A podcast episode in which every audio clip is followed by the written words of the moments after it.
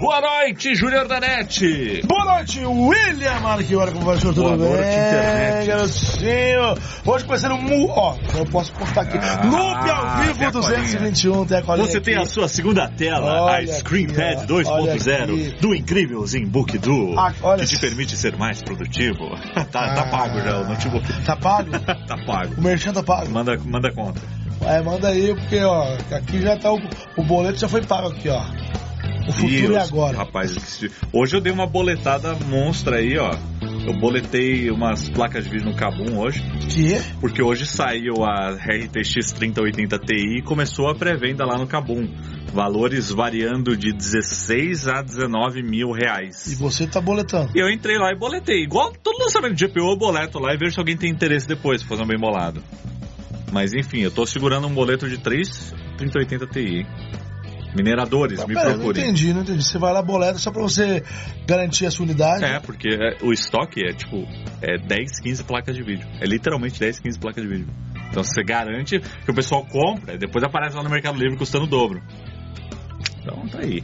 É um investidor, gente. É, eu tô. Não, O cara é um investidor. se fosse, né, na, cá não estaria, mas tudo bem. E aí, Nanete, o que o pessoal tá comentando? A primeira pessoa que, que comentou algo relevante que foi ele, Andrei, Linux BRS, comentou o seguinte: é, Tarda, mas não falha. Opa, peraí.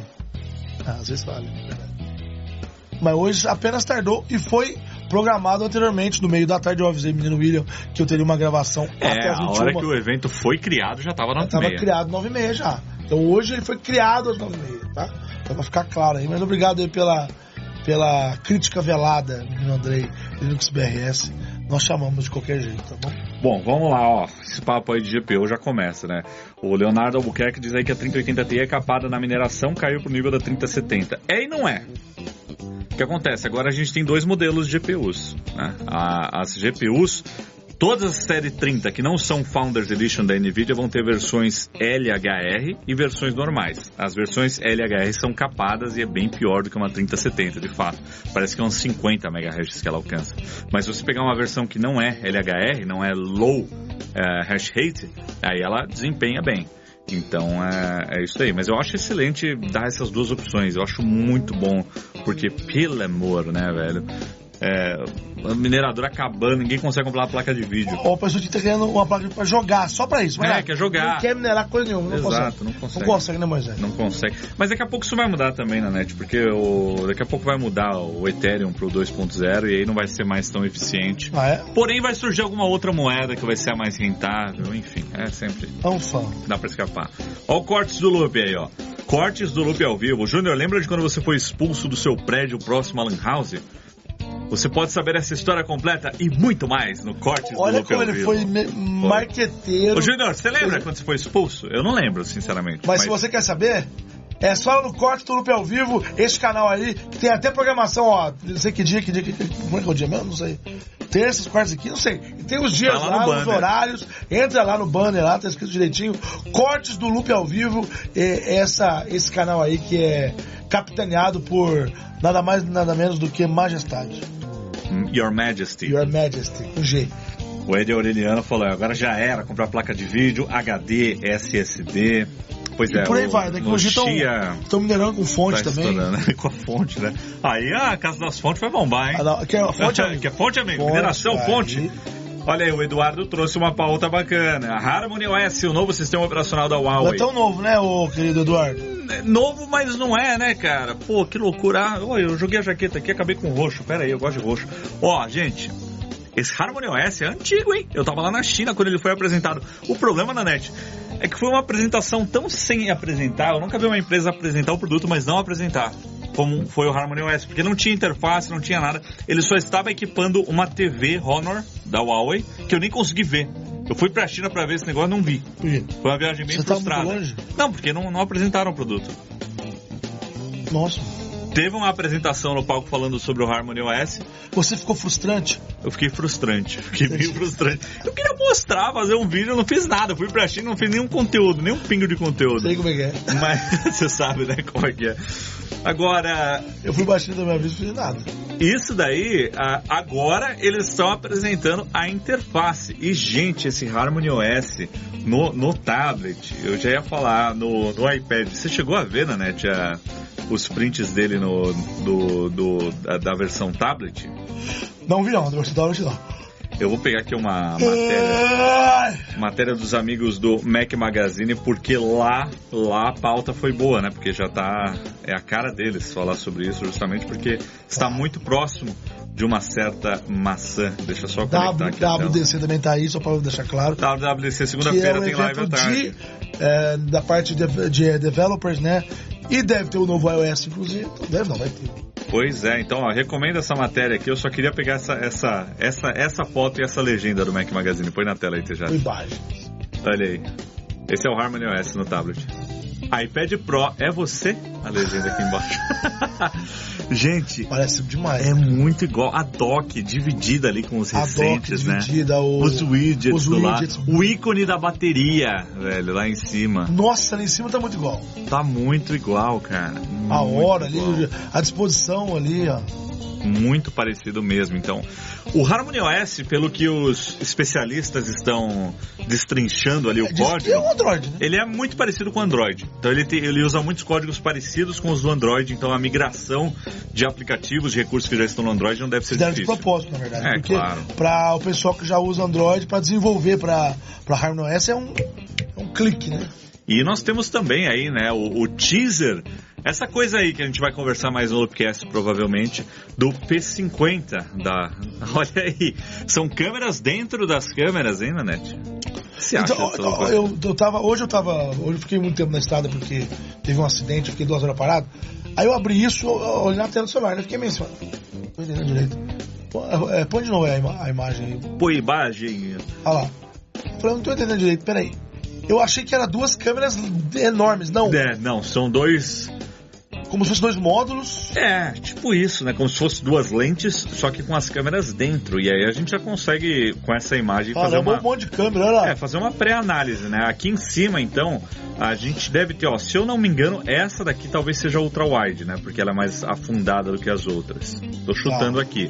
Aí eu chuto que essa daqui tem um sensor maior, aparentemente, maior. deve ser a wide, a normal, a, a principal. É a e a outra é a telefoto. Essa daqui embaixo é a única que a gente tem certeza olha, que é um sistema de periscópio. É, olha né? o tamanho do. É, pode ser que essa daqui seja. seja pode ser que essa seja a principal também, né? Ah, é. claro. É. Pode ser que ela seja a principal e aqui em cima. assim absurda, né? E aqui em cima a gente tem uma ultra wide, uma macro e uma normal. Né? E dá pra ver que você tem ali dois sensores, um que tá no meio ali e outro. Então, um deve ser o de profundidade e outro é o seu flash, né? Esse aqui tem cara de flash. É, então, e aquele ali, ó? Esse aqui tem cara de flash também. Então, eu não sei é. o que é. Então talvez um desses três aqui seja de profundidade também, né? Não, não dá para saber. Mas enfim, tá aí. Esse é um novo design aí. É, curioso, né? Porque a gente tem dois níveis de elevação de novo, né? Dois. Então tem essa primeira bordinha aqui e depois você tem essa, essa segunda borda aqui também, né? Dois níveis aí de elevação. É, mas, sei lá, eu não sei o que pensar nisso. Eu sei Cara, que... o que que Vai parecer que são duas câmeras. Mas tá aí. Enormes. Agora, agora é assim. Ah, ouvimos que você gosta de câmeras, então colocamos câmeras dentro das câmeras. é muito louco isso. E será que o povo da tripofobia não vai pirar com isso? Nossa, é, esse ataca bem mais do que, o, do que os cooktops. É, né? Tripofobia. Enfim, a questão é, gente, como uma política. Como a política pode envolver. A Huawei, gente, era segundo lugar em venda de, de smartphone do mundo. Do mundo. A, né? Huawei, a, a Huawei a Huawei. a Huawei ainda é muito forte, porque ela tem a parte de enterprise, vende muita coisa, equipamento tal, tal, tal. Vende outras coisas que não é smartphone. Mas o mercado de smartphones, que o segundo lugar, perdia para Samsung não muito longe, caíram de drástica. Hoje não é nem quinto lugar. Entendeu? Olha como a política pode envolver, para quem não está entendendo a referência, houve aquela proibição nos Estados Unidos quando estava Trump e foi mantido pelo Biden. É aquela coisa de é, espionagem, não sei o que lá. E aí não, eles não podem negociar com empresas americanas, então. Agora, isso. É por isso que não pode ter Google. Isso criou esse, esse passo, esse passo para trás, né? Então a, a Huawei, nos últimos dois anos mais ou menos, sumiu do Brasil de novo, né? Aliás, ela tem uma. O cenário da Huawei no Brasil é muito difícil, né? Veio, saiu, veio de novo, sa- foi forçada a ficar. ao- Mas ainda está no Brasil. Tá, tá Só que não está lançando smartphone, está lançando muitos acessórios, inclusive a gente vai ter alguns para comentar aqui no canal em breve. Agora, eu acho que não. Eu acho que isso cria um, um- um passo para trás, porém cria a possibilidade da Huawei dar dois passos para frente, porque agora ela tem um sistema operacional próprio. Agora a Huawei está no nível Apple. É. A Huawei pode se destacar no mercado internacional, É. em que, em, claro, em que ela pode operar, né? Que Estados Unidos a gente sabe que é complicado. Mas, por exemplo, ela pode lançar no Brasil um P50 com o Harmony OS. Se conseguir os aplicativos principais que estão na Play Store e der uma forma de instalar, ah, ah, o povo não vai, não vai se importar muito. Se tiver WhatsApp, Instagram, Eu o principal que o povo usa no é, dia a dia, conversando sabe? com um executivo aí, faz tempo, foi no final do ano.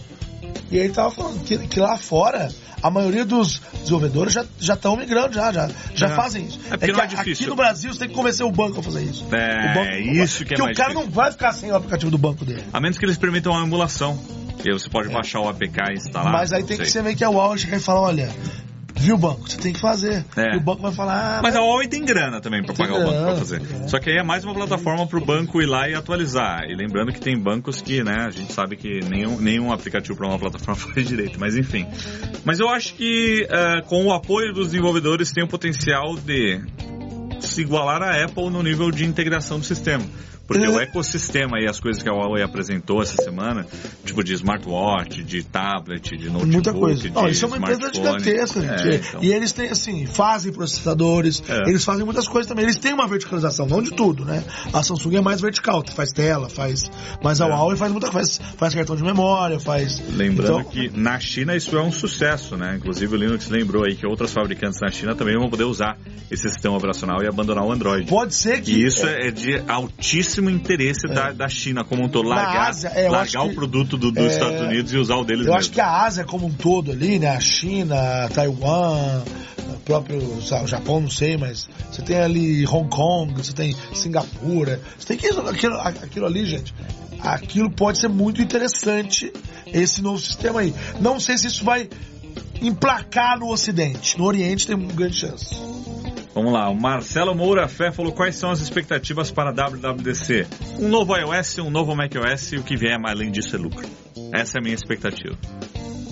É o novo iOS mesmo. todo, toda vez, todo ano pergunta isso pra gente e a gente e por iOS. Isso acontece. Gente, vocês têm que parar com expectativa. Eu não Ex- tenho expectativa. Existe uma expectativa forte aí no mercado de um novo MacBook, né? Um, a se apresenta, seja apresentado aí na WWDC, que um novo MacBook seja apresentado na WWDC com o redesenho do MacBook Air, do MacBook Pro. Porém, a WWDC há muito tempo não é palco de produtos. Não. Então, gerenciem as expectativas. Invariavelmente pinta um MacBook ali, invariavelmente pinta um produto sim. Ah. Mas é mais difícil você ver um produto que a gente. aquele, aquele produto que é o. o é tipo campeão de venda. É difícil você ter um campeão de venda, porque você vai. É bom você ter um, um evento só pra eles, entendeu? Não dá pra você ter um iPhone. É A não ser que você é uma é, cor é. nova, é isso? A minha expectativa na real é produzir uma live bacana pra vocês, que isso vai ser difícil. Vai ser diferente essa live. Porque a gente não vai poder fazer do jeito que a gente estava fazendo. Então, aguardem novidades aí. Olha aí, nós temos aqui o representante do Magalu. Olha ele, o mais novo, real oficial. O bom de jogar LOL no celular é que não precisa de placa de vídeo cara. Não, jogar LOL nem Jogar computador, LOL não precisa de placa de vídeo, cara. Nem cara nem barato, Nem cara. cara. Cara. Ô, ô, ô, Rude, cara. Ô, cara. É, não precisa Ô, de meu, GPU. meu caro, meu Rude caro. Meu caro Rude. Você roda na, na qualquer GPU integrada aí, de, do ano Qualquer passado pra cá. De Graphics aí tá bom boa. Qualquer Intel Graphics. é.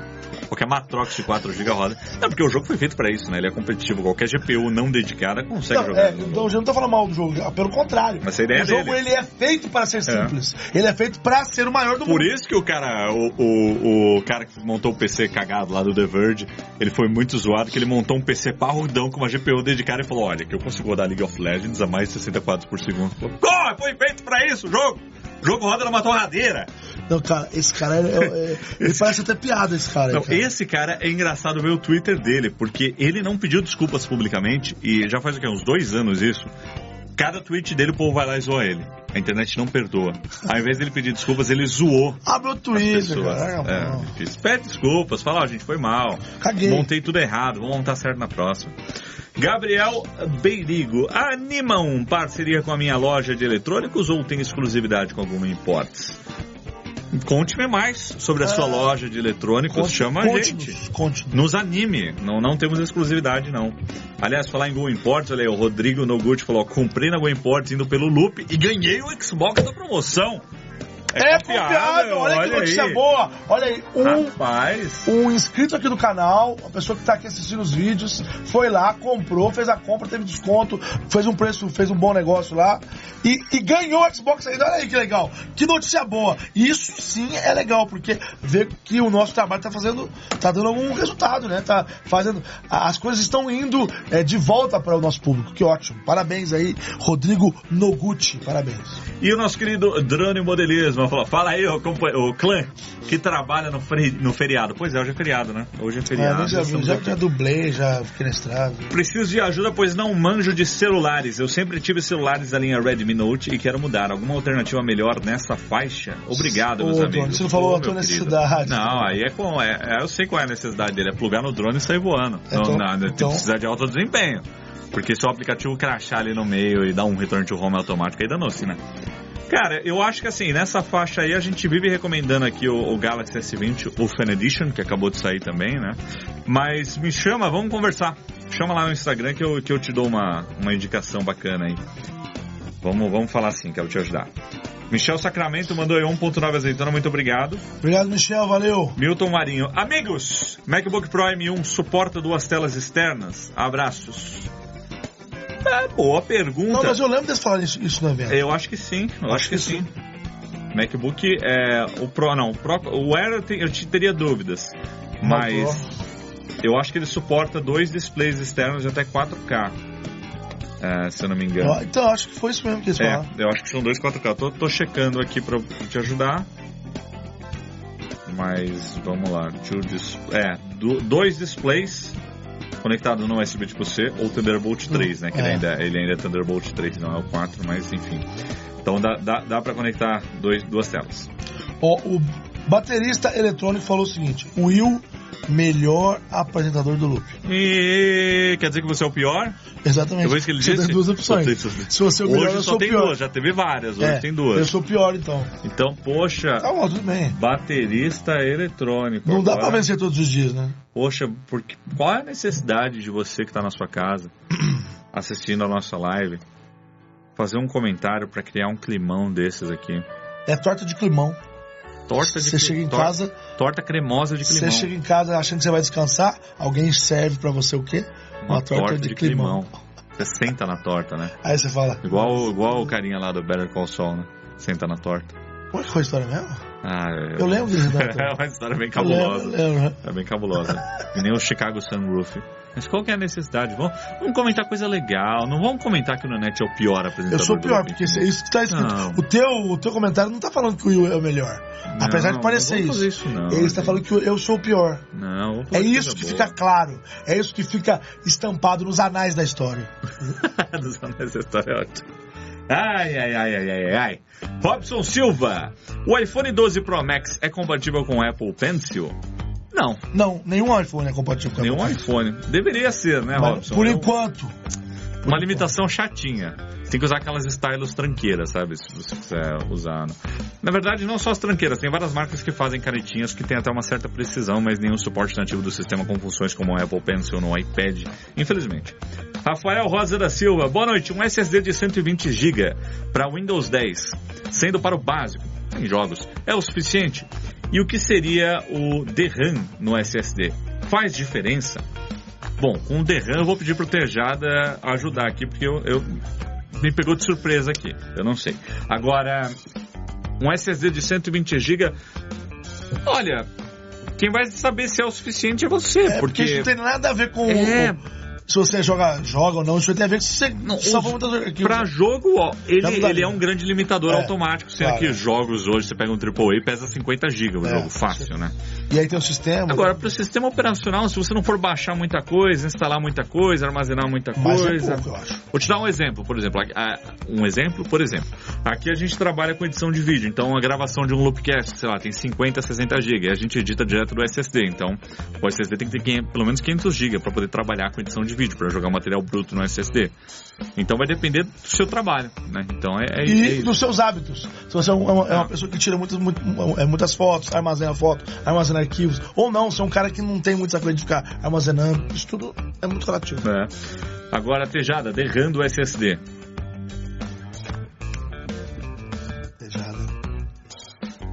Sim, faz bastante diferença, é, especialmente na hora de transferir arquivo para ele. Na hora de leitura não faz tanta diferença, porque o DRAM funciona como se fosse uma memória cache, que ele copia tudo para essa memória muito mais rápida até lotar ela e depois ela vai copiando devagarzinho para a memória NAND.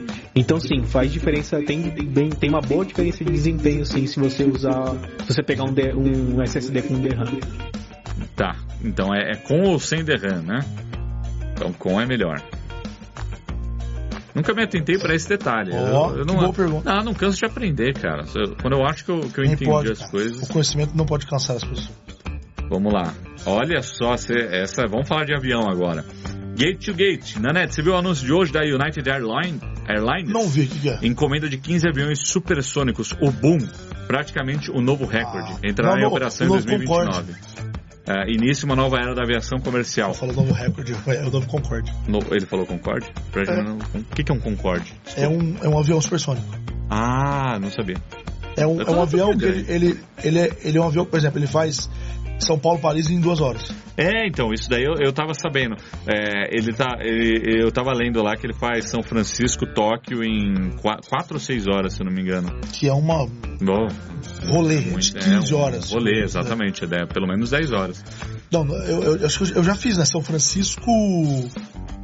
É, é bem de é, é, China, né? Eu já fiz Xangai. Los Angeles Moscou, que é atravessando o negócio todo, deu 12 horas, 13 horas mais ou menos. É. Deve ser por aí, Não, é. o meu foi 14. É, é, que depende também do, do, do voo. E também já fiz Los Angeles Sydney, que aqui é o voo do Lost. Deu 17 horas. É muito louco esse É voo. porque você desce, né? Eu não entendo como. eu não entendo, mas enfim. É, E cheguei, é, antes, é, e cheguei antes do que eu parti. é muito louco Eu isso. saí 10 da manhã, cheguei às 8. Não, de fato eles voam em, em velocidade é, Mach 1.7. né?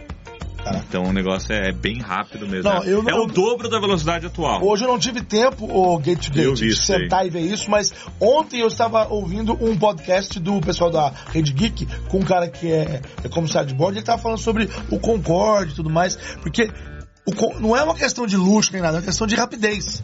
Bom, um, um avião desse, é óbvio que ele não é pensado para uma ponte aérea São Paulo, Rio de Janeiro, isso é ridículo. A, a ponte aérea é de 40 minutos, não dá tempo. só decola ele decola e vai embora. Não, eu, por exemplo, eu, eu, eu quando eu ficava, ficava brincando no, Ele no Flight de decolar, chegou no Rio. é, Não, é. Eu, eu ficava brincando no Flight Simulator, aí eu decolava da minha cidade Machado, que lá tem uma pista de pouso, com um, um caça. Ele é muito rápido, né? Eu, eu, fazia, eu, eu queria pousar em, tipo, em Varginha, que é essa. 60 quilômetros. Pô, não dá. eu, eu, eu decolava, já tinha passado, já. É, o negócio caça do Eu fiz assim, GTA. olhei pra baixo, tava o que decolava assim. A menina Honey tá aqui com a Eu gente. falei, Rani, ela, ela, ela me achorei assim, ó.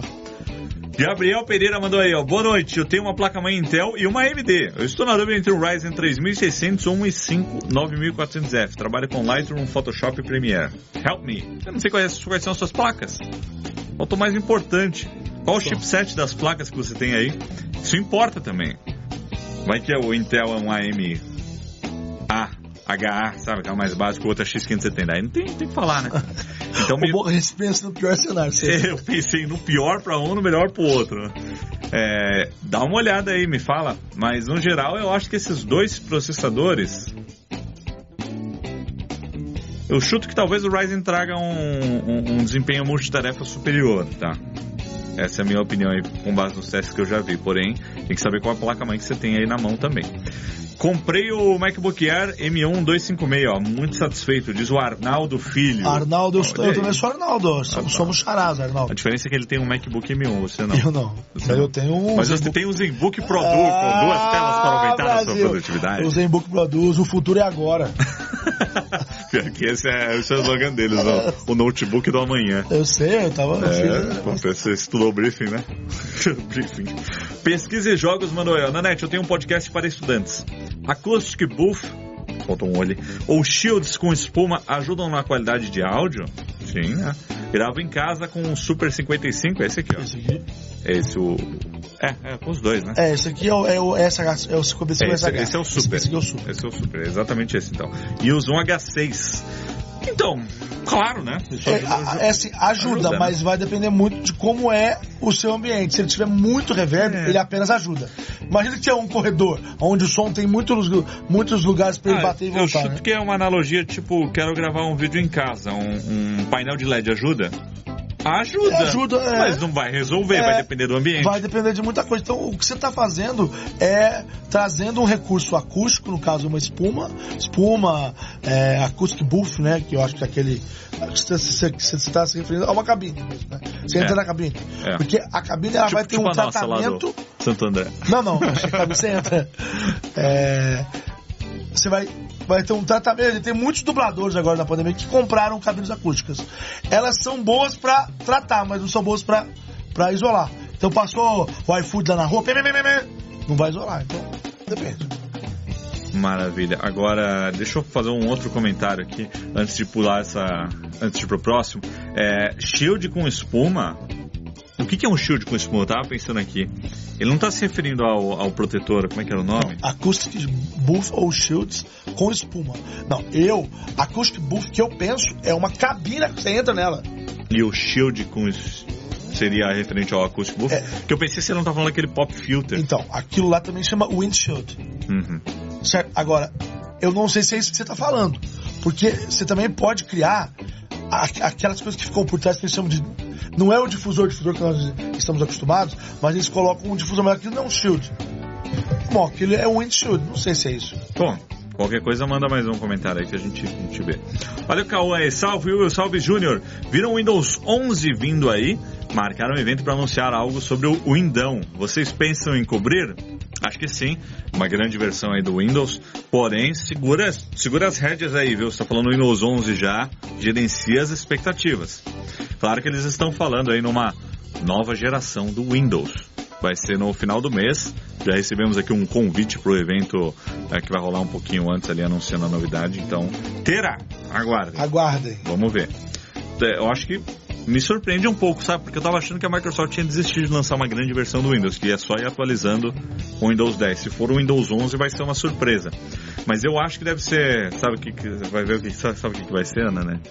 Chega lá um anúncio, gente, vamos anunciar aqui o primeiro Service Pack pro Windows 10.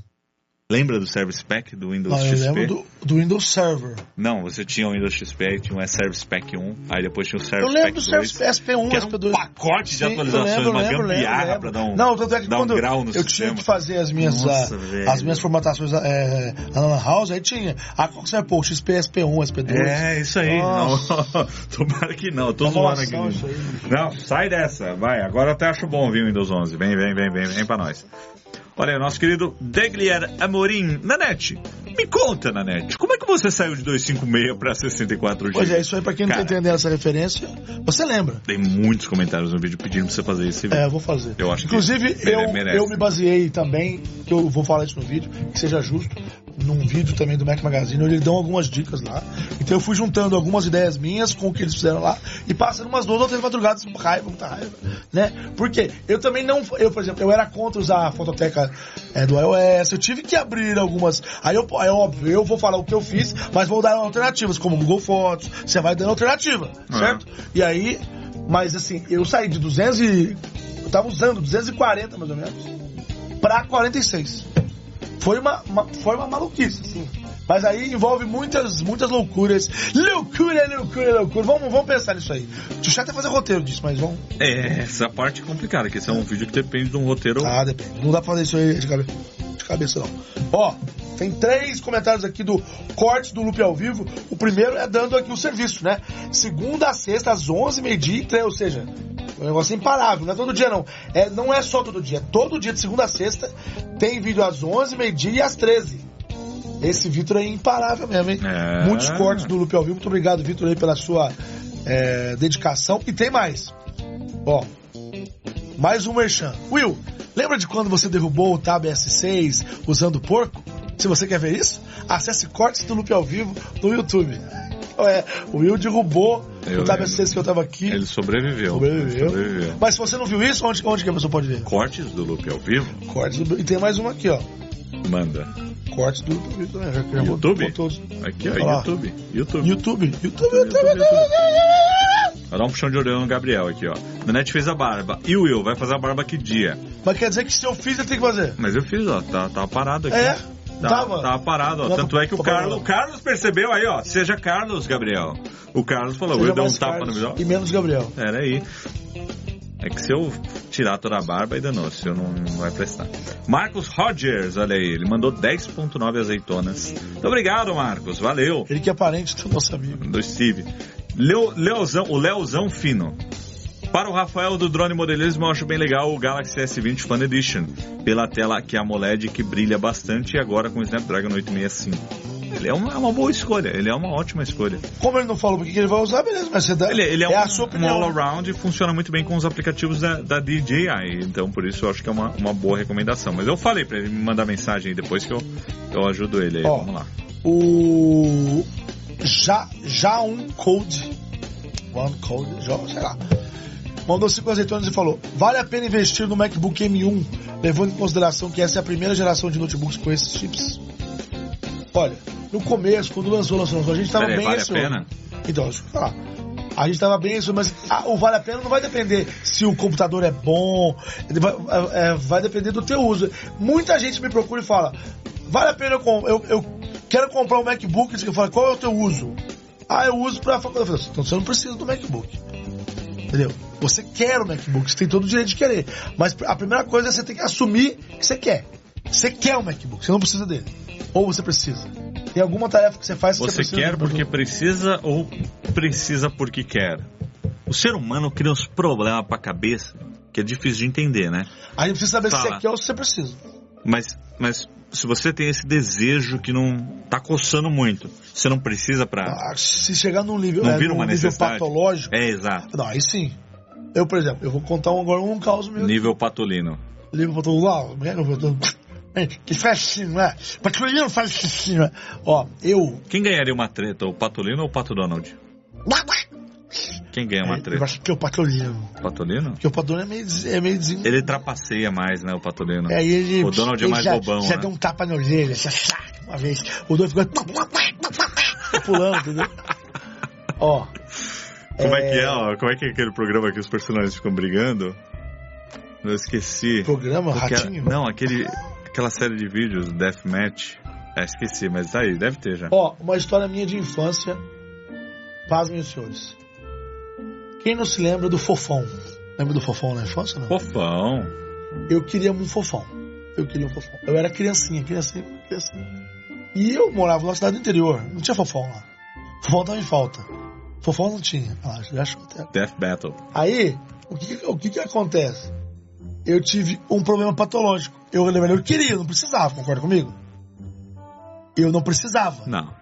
Aí eu comecei a ter problema respiratório por causa disso. Nossa. Não, não, conseguia respirar por causa. Aí chegou, no, chegou num ponto que virou, né? Aí levou o médico, não sei o que, e falou: não, tem que dar um negócio pro papai, rapaz, tá? Enfim. Então, isso pode acontecer, tá? Isso pode acontecer, então é, é verdade. É, eu não sei se eles fizeram um vídeo, Olha lá o Edu. mas Você lá.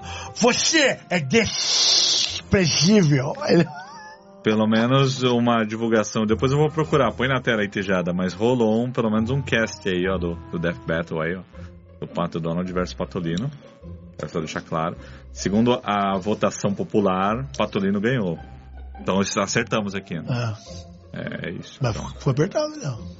Ó, olha, olha aí, ó, quem é que ganha? O outro todo, Ah. todo um é engomadinho, Disney, o roupinha de é- marinheiro. O outro é, é Acme. Ah, que me... Muito bom. Vamos lá. Ai, caramba. Live sobre tudo e nada e as coisas mais aleatórias. Lucas Nassif mandou hoje cinco azeitonas. Ô, Ele Lucas, fez um é- upgrade É aí. de recebimento hoje, hein, Lucas? Pô. Obrigado, garoto. E nós temos 610 ienes, olha aí, do, Ô, louco, do Rafa GS. Falou, oi, beleza? Oi, beleza? Beleza? Oi. Beleza, campeão. Beleza, tudo, tudo certo, fera. E o Matheus Henrique falou, ó, já, vamos falar de coisa legal então. Vocês são os melhores apresentadores. Momento puxa-saco. Obrigado Deu uma aí, puxada Matheus. bonita. Valeu, valeu. Estamos, estamos, estamos todo dia aprendendo e nos esforçando aí para trazer um conteúdo bacana. Muito obrigado. O, nós temos aqui uma mensagem agora do nosso representante da lei, Francisco Ô, Rabelo. ministro. As leis de aviação proíbem esses aviões supersônicos de voar sobre o continente em velocidade supersônica. Então eles têm que voar assim só sobre o mar. Tá vendo aí, ó? Fazer a menor ideia disso, caraca. É, é, é por isso que não dá pra você fazer uma, uma viagem dentro do. Eu já tenho que sair, por exemplo, do Rio de Janeiro, ó. Pá, direto. Só sobre o mar. Pode. Então não pode ser de São Paulo, já deu bosta isso aí. pois é, complicado. Ah, Não, mas, só um ah, mas, mas, mas com o tempo essas leis vão ser. E também é só um trechinho. São Paulo, Santos já tá aqui, ó. Tum. né? Já Você não vai é. nem ver, deu um, deu um peidinho, vai ficar já. Aliás, voo, voo de avião hoje em São Paulo é assim: você de- decola e pousa. Não, a hora que você tá quase, quase dormindo, fala. Preparação, preparação. Você perde mais tempo toda a burocracia do aeroporto dos dois lados do que no voo em si. Não, ir pro Rio de, de avião, o que menos demora é o voo. É. Tripulação, portas em automático. Gabriel Pereira, Intel Gigabyte Z390M Gaming e uma P550F Gaming. Tem uma GTX 1660 para compor o setup. A Z390, ó, compra um, compra, o- pega o Ryzen e vende a Z390. Porque ambos os processadores, assim, tipo, esse Ryzen, ó, casa bem com a B550, mas pra Z390, eu acho que até over se eu botar um i5 nela. Então, aproveita e já vende ela. Ó. Então, tá aí a minha recomendação. aí. Informação importante aqui: o motivo da proibição é barulho. Pode verificar, certo. Então, não dá, não, gente. Ó, o, o Ale Bernardes falou: ó, boom sônico, não tem essa de mudar a lei. Aí não tem mesmo, estoura os vidros prédio tudo. Não, mas acalma, deixa a tecnologia avançar. O próprio, e- a- até o Y sabia disso, nós não. Velocidade de expressão estourando os vidros dos prédios. Já pensou? Ia Caso ser muito louco. Sonic Boom, Sonic Boom. Mas, mas pera aí, se o bagulho então. Entendedores, vamos lá. Eu não manjo nada. O negócio tá lá em Simão. Lá em cima ele estoura os prédios? Sim. Tipo, não tem um limite de altitude? Não, ele é, é, o- é o deslocamento de ar, né? Tipo, ele, ele- Cara, é muito. Eu já vi caça passando muito alto. Você, você já ouve o barulho muito antes dele chegar. É muito alto, muito Que- alto. Caraca, eu não sabia dessa. O trovão, por e é, exemplo, e é, é o deslocamento de ar. altitude, não é distância, então. Quê? Porque se no mar ele pode ir nessa velocidade, então não tem uma distância, eu tenho. É, não, acho, acho que depois do mar ele já. É, eu queria entender isso, sabe, essa, essa lógica. Acho que você vai poder ouvir só um pouquinho. Ele decolou, cai, foi embora. Ah, ó, se algum entendido aí, ó. Olha lá, aqui, ó, o Ricochete falou que é até 60 mil pés. Ah, Era isso que, que eu é tava alto pra caramba. Hoje, hoje um avião comercial normal voa em 37, 40 mil pés. Então, tipo assim, 60 mil até lá, então é, é, é um, é um teto muito alto. O Sérgio deu puxão de orelha aqui. Vocês não assistem Aviões e Músicas com o Lito? Eu assisto, mas não eu eu não assisto, infelizmente, eu não, não assisto. Eu, eu fico mais longe do possível do YouTube. Sou que nem o Silvio Santos, já trabalho com isso, não quero assistir. O Gustavo Túlio mandou aí, ó. O Ionanet, eu estou pesquisando um carregador Ti, ah, que deixa o iPhone na vertical. Tenho visto da Samsung. Qual vocês recomendam? Um abraço. Ah, tem vários aí que, na verdade, não é o MagSafe que você tá falando, né? Ele tem uma é um basezinha. carregador que tem uma base pra você colocar, tipo a máquina de dinheiro. aqui. Qualquer um que tenha certificação. Se tiver certificação TI, Não é assim no caso, né? é, ele tem que ter uma base É, é tipo isso. Se tiver uma certificação TI, se tiver aquele Q e aquele I, ele é compatível com o iPhone. Só tem que ser certificado, só isso. E aí, no caso de, de não ser MagSafe, no máximo 7.5 é, watts. Desculpa aí, mas é a Apple? Ó, o Renato Medeiros aqui já falou outra informação. ó, acima de 45 mil pés não quebra nenhuma janela. É, não quebra, mas faz barulho, é isso aí. Mas aí tá acima do que a gente já voa. Mas ainda gera um incômodo, né? É, não, o barulho é muito alto, cara. Numa, num voo comercial normal, é a altura? 37, 40. Ah, então. Tem, tem que estar acima do normal. Não, é pra voo E mais... até ele chegar lá, ele já fez um monte de barulho aqui embaixo. É para voos mais longos, mas enfim, eu não entendo muito disso, então o Lucas Polo também, também explicou aí, ó. Ele deixou claro que o Sonic Boom não é o golpe do Street Fighter, inclusive. Ah. Achei muito relevante isso, é importante. Estoura os vídeos das janelas e aí realmente não tem como.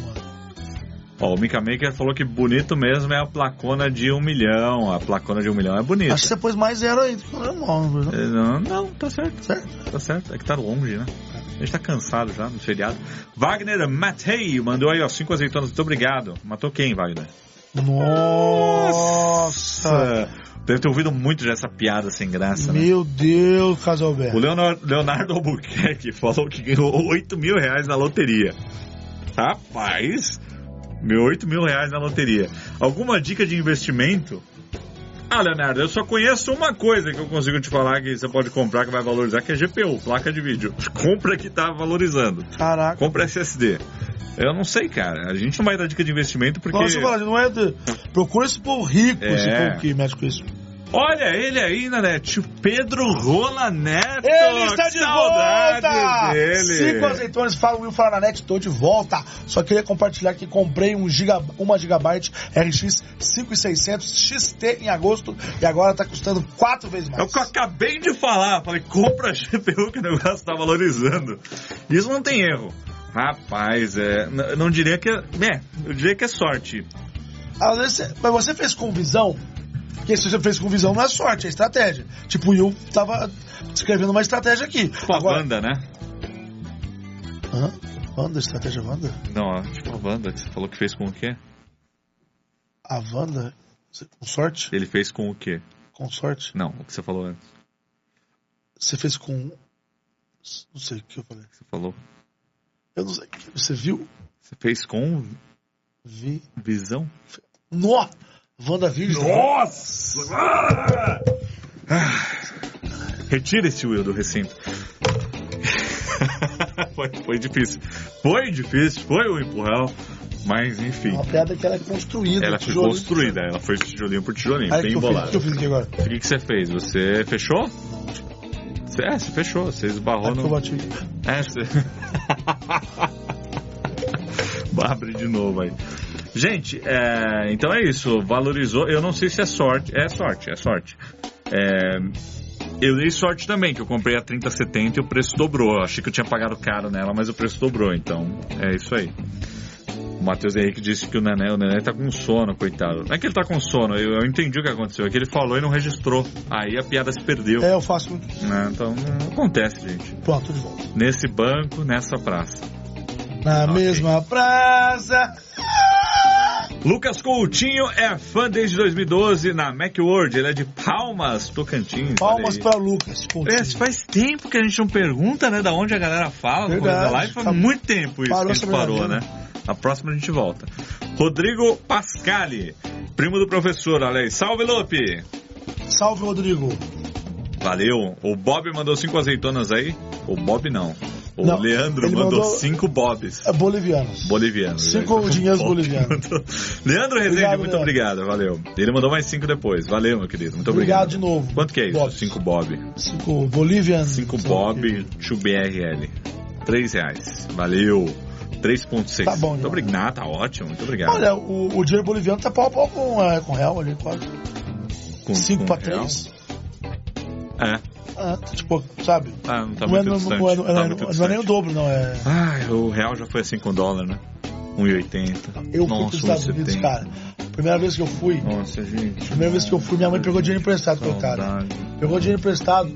Eu sei que eu vou falar o ano aqui, vocês estavam nascendo. Ó, Foi em 94, eu tinha, tinha. Não, eu não tinha 14, eu tava com 13 ainda. Eu tinha 5 anos. Tava com 13. E foi o mês, porque quando saiu dos é, cruzeiros, sei lá o quê, que virou real, teve um mês que foi URV, Unidade Real de Valor, que foi a transição. Eu fui nesse mês, em julho de 94. Que era, quase um pra um. Não, né? era um pra um. Era um pra um. Já pensou se vira um pra um hoje? Aí, bicho, até 450 dólares. A gente tava conversando hoje da placa do milhão lá. A gente descobriu que pra você pedir uma placa adicional, aquela placa do milhão, né? E a gente queria ter uma aqui no estúdio e uma em casa. Duas, né? Você pode solicitar A empresa que faz, a adicionais. a- a é, mesma empresa. A Society Award. Você manda o e-mail do e-mail do YouTube, manda o código, eles verificam. É. Que é justamente para você ter cópias para distribuir para a equipe, né? Às vezes você quer presentear a equipe toda e tal. E eles cobram 450 dólares pela placa dourada. A, a, a placa de ouro, né? A placa grandona que a gente mostrou aqui. E a pequena de prata, 150 dólares. Fora o frete. Envio internacional, né?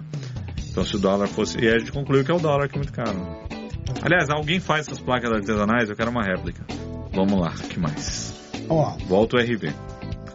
Ó, o Gabriel Berigo mandou aí uma. Pre Brerigo. Bay Mandou uma DM no Insta sobre a parceria. Vamos ver depois da live, vamos Manda conversar. Valeu. Ó, o. Não, isso aqui é correr elegante, depois eu falo. Lucas Polo, primo do Marco. Ano passado eu comprei uma GTX 1660 Super por 1.800 e agora tá 4.000. Se eu soubesse, eu tinha comprado umas 10 pra vender hoje. Pois é, se, Ah, mas não é assim que funciona. nessa do se eu soubesse, a gente tinha comprado Bitcoin Nessa, 10 se eu soubesse, eu, eu, eu já, como chama? É, Eu, teria, teria- comprado a ação da Tesla, teria comprado. É tanta coisa que se eu, se eu soubesse. Não dá pra saber, amigo. Ó, William Media. Cadê o, cadê o Quick Save pra download, hein? William Media, eu gostei do nome. Comprei o MacBook Air M1 através do vídeo de comparativo ter MacBook. Valeu, Will. Ah, que bom que você curtiu, fico feliz que esse vídeo ajudou uma galera aí a tomar a decisão e comprar essa máquina. Eu particularmente vou aguardar o MacBook M2. Na verdade, assim, esse pensamento ele é volátil. Ele muda muito. Eu tive vontade de ter o M1, mas aí no meio do caminho a gente ficou com o ZenBook Pro Duo, que tá aqui hoje com o Nanete. Que para pro trabalho aqui, eu trabalho no dia a dia que eu usei ele bastante, acabou suprindo de igual para igual, se não melhor. Porém, aí tinha a questão do jogo. Pô, dá pra jogar um joguinho ali no M1 que nem eu mostrei, legal. Mas aí veio esse cara aqui e ele também traz uma potência bacana. O que me surpreende mais no, no, nos M's até agora é que não tem ruído. Ele é o único notebook que eu, deu pra rodar um jogo ah, até competitivo. Você não tem ruído nenhum. Sabe quando você tá no quarto, na cama, sei lá, sentado, mexendo no computador, aí você abre um jogo, uma coisa, qualquer notebook. Que lá nada, zero. Isso é o que mais me impressiona até agora. É, É, e essa é a maior vontade de ter máquina silenciosa, traz desempenho alto. Tenho vontade, porém, a vontade volátil, fica mudando o tempo todo. O Pet Shark vem aqui dar um, uma saudação pro nosso querido advogado. Grande doutor Fran! pra quem não sabe o que tá acontecendo, foi, uma, foi um momento da live de terça-feira onde falamos do, do nome de- do, do doutor Francisco Cabelo, que agora chama doutor Fran. Doutor Fran e o Cristiano dos Santos da net. Se eu soubesse, eu não tinha reformado a minha casa pouco antes da pandemia explodir e eu ser demitido.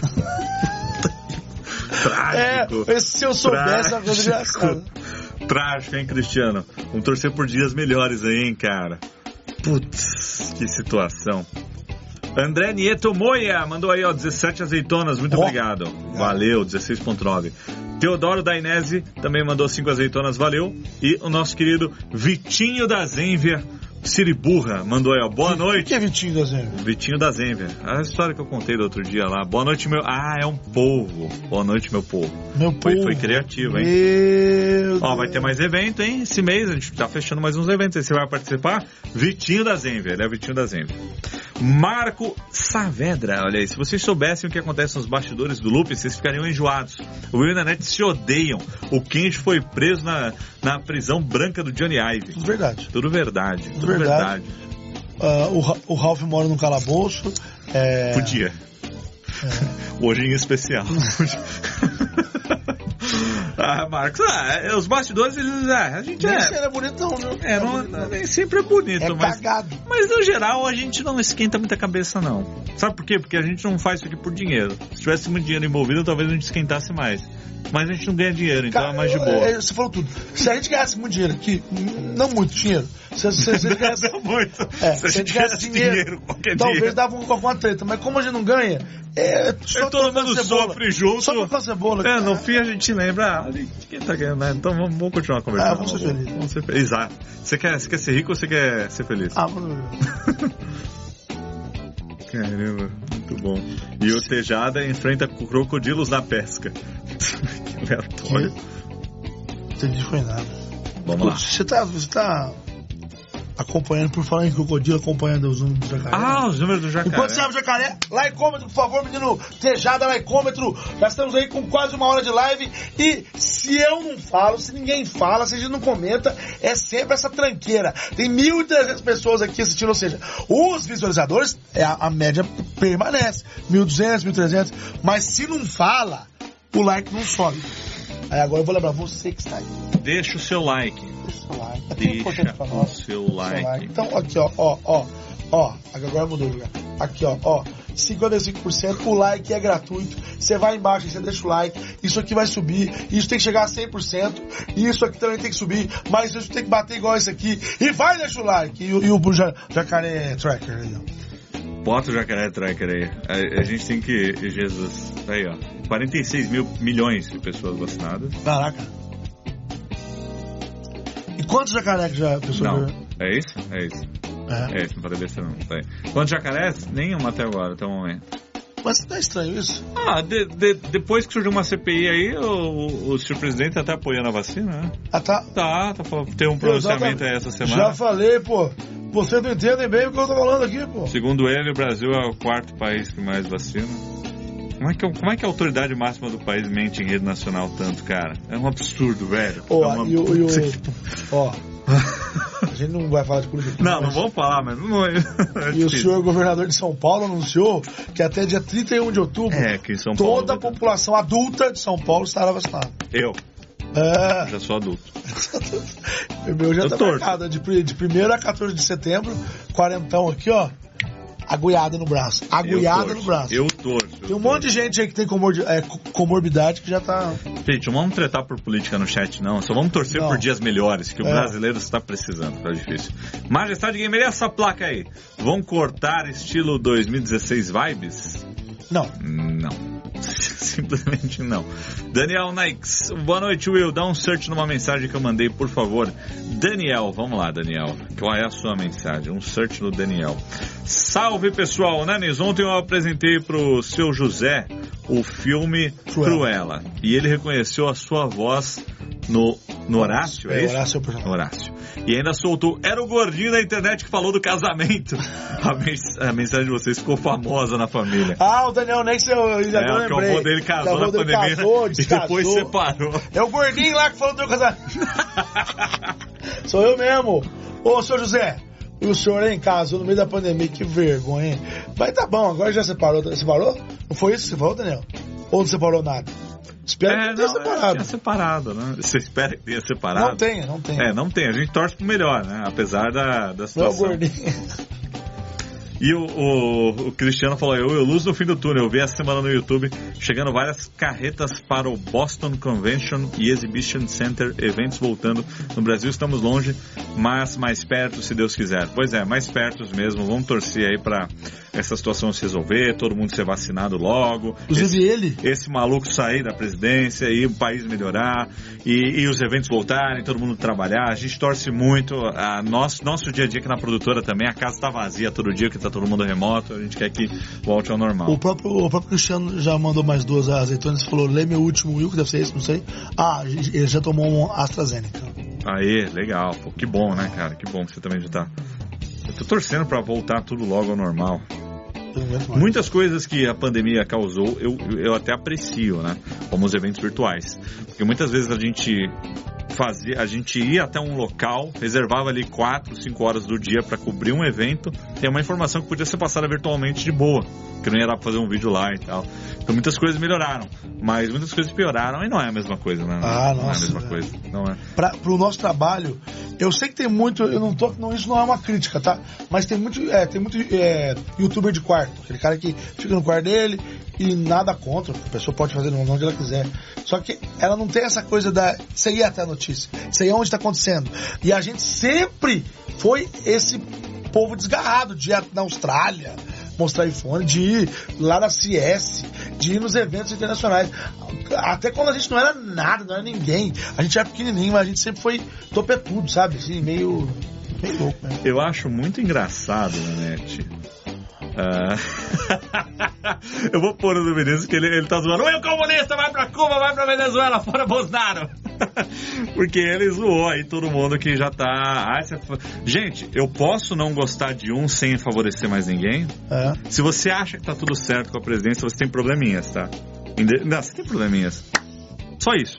Eu não tô, não tô falando que eu apoio ninguém. Eu não apoio ninguém, a política aí. Mas tá errado. Se você acha que tá certo, sai, abre a cabeça. Tá? E não vamos mais comentar sobre isso, porque a gente não fala justamente por isso, porque não dá pra ter discussão, eh, porque o povo já cai. Ah, não, mas você é, você é a favor disso, você é a favor daquilo, então. Não, eu posso só desfavorecer um sem favorecer mais nada? Obrigado, valeu. Marcos Hess que mandou aí, ó. É, 1.9 azeitona, olha aí, foto de casamento, bonito, ó, avatar do- dele, ó. Vamos falar de coisa boa aí, ó, o cara trazendo uma imagem bacana. E o LSXD. Parabéns por- pelos mais de um milhão de inscritos. Obrigado. Agora que eu cheguei a quase 2 mil no meu canal, 2K, né? 2 mil no meu canal, mas é assim que começa, né? Sucesso sempre, galera Claro, do começa do zero. Claro, não, você já alcançou, você já fez o mais difícil. Sabe qual que é o mais difícil? É você começar. É. Essa é a mais difícil. Porque muita gente quer, quer fazer um canal, vira e mexe pergunta aqui, mas não faz. Você começou, pô, já passou de mil, já tá em dois mil. Continua, não para. Isso é importante, não, não desiste. Ah. Força aí e torcemos aí pelo seu sucesso. Valeu, meu querido. André Nieto Moia, boa noite. Eu senti uma diferença na tonalidade da cor branca, mais amarelada no caso do iPhone 11 Pro. Normal para as telas OLED, eu tinha um 10R. Abraço. É, o 10R é a tela LCD, não é normal, mas você sabe o que, que acontece às vezes? Já vi isso. Mesmo modelo, É. fábricas diferentes. O componente às vezes vem de um lote diferente, às vezes da mesma fábrica. É, mas eu já vi, por exemplo, o fabricado no Brasil, aqui na Foxconn de Jundiaí, isso na época do iPhone 4S. Ele tinha uma tela diferente do, do 4S americano. Isso é uma coisa muito normal. Ah, eu, quando saí do 12 Mini e fui pro 12 Pro, eu coloquei os dois lado a lado e essa aqui era mais amarelada do Pro.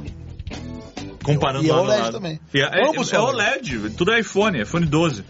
E um era mais amarelado que o outro. Só que mais- varia muito, e, e eu percebo isso também. Só que eu nem citei isso no vídeo porque isso é normal, sabe? É meio que acontece. Existe, eu acho que existe ali uma. Uma. Uma. Como é que se fala isso? Uma. Quando você tem uma. Um range. É, isso. Como é que fala em português isso, Júnior? Um range? Um- tem uma margem. Uma margem? Era isso que eu tava procurando. Ah. Tem uma margem aceitável ali, mas me incomoda um pouco. Eu prefiro mais Você pode azulado. aquele pouco. Como é que fala isso em É, português? como é que fala? Ah, Não, como é é que que você fala aquela inglês, palavra em português? Banana. Ah, Como é que fala Banana, português? Banana. chocolate. Como é que fala chocolate? Como é que fala radio? Radio. Você fala é, Piano. chocolate japonês. Chocorito. Chocoreiro. João Ferraz, boa noite, seus lindos. Ele falou: não esqueça do like, seus mal acabados. Meu S21 Plus tá reiniciando do nada. Que loucura. Abraço. loucura. Que lou- que loucura, que loucura. É, não deveria, né, John? Ai, que dor Que de será, cabeça isso, hein? Que se- é, a sugestão é, é dar uma resetada nele, um, um hard reset, é, o clássico formatar, né, o aparelho. E dar uma olhada, né, se isso resolve, porque se não resolver, aí é um problema de hardware, né? A gente tava com um PC aqui que tava desligando sozinho, no meio da- das atividades. De, qualquer coisa, edição de vídeo, transmissão e tal. E como é que você descobre? É o tá importante é você fazendo testes, né? Oh, é, Excluindo tem- situações. Exato, exato. E aí a gente meio que ah, acabou, até o momento tá resolvido que não era nada no computador, mas sim na, na, na, na- na tomada, no no-break que ele tava, sei lá. E é muito louco isso, né? Ó, o Luciano Oliveira pediu pra mostrar os bastidores. Que bastidor. Eu acho que. Olha o meu iPhone roxo, galera. Hã? Eu acho que eu- a gente pode mostrar. o cara falou, mostrar o iPhone. Eu acho que a gente pode mostrar um elemento dos bastidores, né, na net. Do quê? Ah, Tejada, pega, pega a câmera aí. O Tejada já pegou já, tá muito esperto. Mostra aí, Nanete. ó, primeiro eu Tó. vou mostrar a minha barriga. Você vai mostrar sua pança primeiro? A pança do Júnior. A pança do Júnior. Haja barriga, hein, Júnior? Mostra coisa boa, não fala de Ó, política, não. Ó, como é que a gente pega aqui os comentários de Olha lá, ó a segunda tela sendo usada Aí, aí. ó. A segunda tela. Opa, não vou mostrar muito aqui. não. Olha lá, ó, ali a gente vê o que, tá, o que tá indo pro ar, é aquilo ali. Aqui a gente vê todas as câmeras, tá ok? Aqui a gente eu vejo o menino William. Uh! Uou! Uh! O Wentworth. Windsor. Hoje não tem esse tanto. E aqui. Clareia aí no menuzinho do lado. Tem um menuzinho pequenininho. É isso. Olha, velho. Olha aí. Olha aí o que eu queria ser nesse momento. Ela tá de boa. Oi. O que que você quer, pai? Deixa eu dormir. Pai, embora. Obrigado Bem confortável aí do lado, hein? Ah, quero Tá bem confortável. Saber. Vamos fazer uma. Obrigado. Vamos fazer uma escadinha pra ela, o que, que você acha? Pra onde? Pra ela subir aqui e aparecer aqui atrás. A gente faz Será que ela sobe? Faz esse esqueminha aqui, ó. E ela sobe aqui, ó. Ela vai deitar. Ela vai deitar e ficar. Ó, o Super 55 aqui. Super 55. Volta aqui pra nós, esteja. Corta aqui. Tá parecendo aqueles câmeras de programa de domingo, né? Que o cara só Sim. fica fazendo assim. Ô, mexerica! Geralmente tem nome de fruta. Então tá aí, Luciano, mostramos aí os bastidores. Nós temos também uma azeitona do Ricardo Lourenço, muito obrigado. E o Rafael Santiago mandou 20 dólares australianos. Rapaz, muito obrigado! Opa! 20 dólares australianos, vai perder o pano no negócio aqui, ó. Nanete, sou entusiasta de carros elétricos assim como você. Como sei que você tem. Como sei que você tem um, gostaria de perguntar. Como você lida com o tempo de recarga da bateria? Te incomoda de, de alguma forma? Cara, eu acho que é uma questão de. Vou falar uma palavra que eu não gosto: mindset. Você tem que. Eu ia falar isso. É uma inconveniência e é um ponto negativo eh, quando você compara com os carros a combustão. Porém, se você aceitar isso, é só você se programar. Eu vou dar um exemplo. Essa noite, ontem, aliás, eu dublei até umas 6 da tarde. E ontem não tinha live. Não tinha outra gravação. No final de semana eu não vou poder ir pra casa da minha mãe. E eu tinha que ir pra Minas. Aí que eu falei, pô, vou sair daqui tarde, vou chegar lá, só que eu vou chegar lá conta de carregar o carro e voltar. Porque eu cheguei lá tipo meia-noite e sete eu já tinha que estar de pé. E o carro carrega em 8 horas mais ou menos, entendeu? Eu cheguei lá com menos de 10%. Pouquíssimo mesmo. certo? Cheguei lá então assim. Mas eu não iria se eu fosse ficar lá 3 horas. Eu fui sabendo que eu ia ficar pelo menos de 7 a 8, que é a conta do carro carregar. Então, é uma questão de mudança de pensamento. Exemplo, os, os meus colegas aí, pilotos de avião, sabem porque quando você vai fazer uma, uma, uma viagem de avião, não é igual você pegar um carro e sair andando. Você tem que fazer uma programação, um plano de voo. Plano de voo. Então você tem que saber como é que tá o tempo, meteorologia, lá, lá, lá. Então é quase isso no caso um- de um carro elétrico. Você tem que fazer um plano. Se eu vou para Curitiba, eu tenho que saber se tem ponto de Ah. recarga tá lá. Não posso sair, ah, porque posto de gasolina não vai ter. Então é isso, tem que trocar. Eu vivo isso numa escala muito menor que é, que é o, o patinete elétrico é assim também. Tem que ter É. bateria para chegar até lá. Então, às vezes, eu vou com. Se, e se a bateria tá mais fraca, a subida ali eu tenho que pôr o pé. É, Porque ele não vai na subida. é a subida. Então é, é isso, eu acho que requer um pouco de planejamento, né? Então é isso aí, Rafael. Esperamos ter ajudado. E o Leandro Rezende falou: ó, sai do Fusca e entra o quê? De novo. De noto. De noto? De noto. Que De de noto? De noto? Leandro, Ele deu 5 dinheiro boliviano daqui a pouco, agora deu 10 dinheiro boliviano. não sei, Leandro. Sai do Fusca, é sair, sai. Sair do Fusca e entra. Não, Entra de moto. chat, ajuda nós aí, que a gente não entendeu nada. O John, Fe, o John Ferraz falou: ó, se falar da Apple é fanboy da Xiaomi, se falar bem da Apple é fanboy. Isso está sendo levado para a política, infelizmente. Você não concordar um não quer dizer que apoia os erros do outro, simples assim. Pois é. Mas é, quando você vê o povo pirando nos comentários, você até tem uma margem de entendimento do porquê que tal sujeito acabou entrando no poder, entendeu? É, é, é a mentalidade. O LSXD perguntou uma coisa que as pessoas me perguntam. E eu respondo assim, ó. É verdade. Se o carro parar no meio do nada, e se o seu para no meio do nada? É. Ué?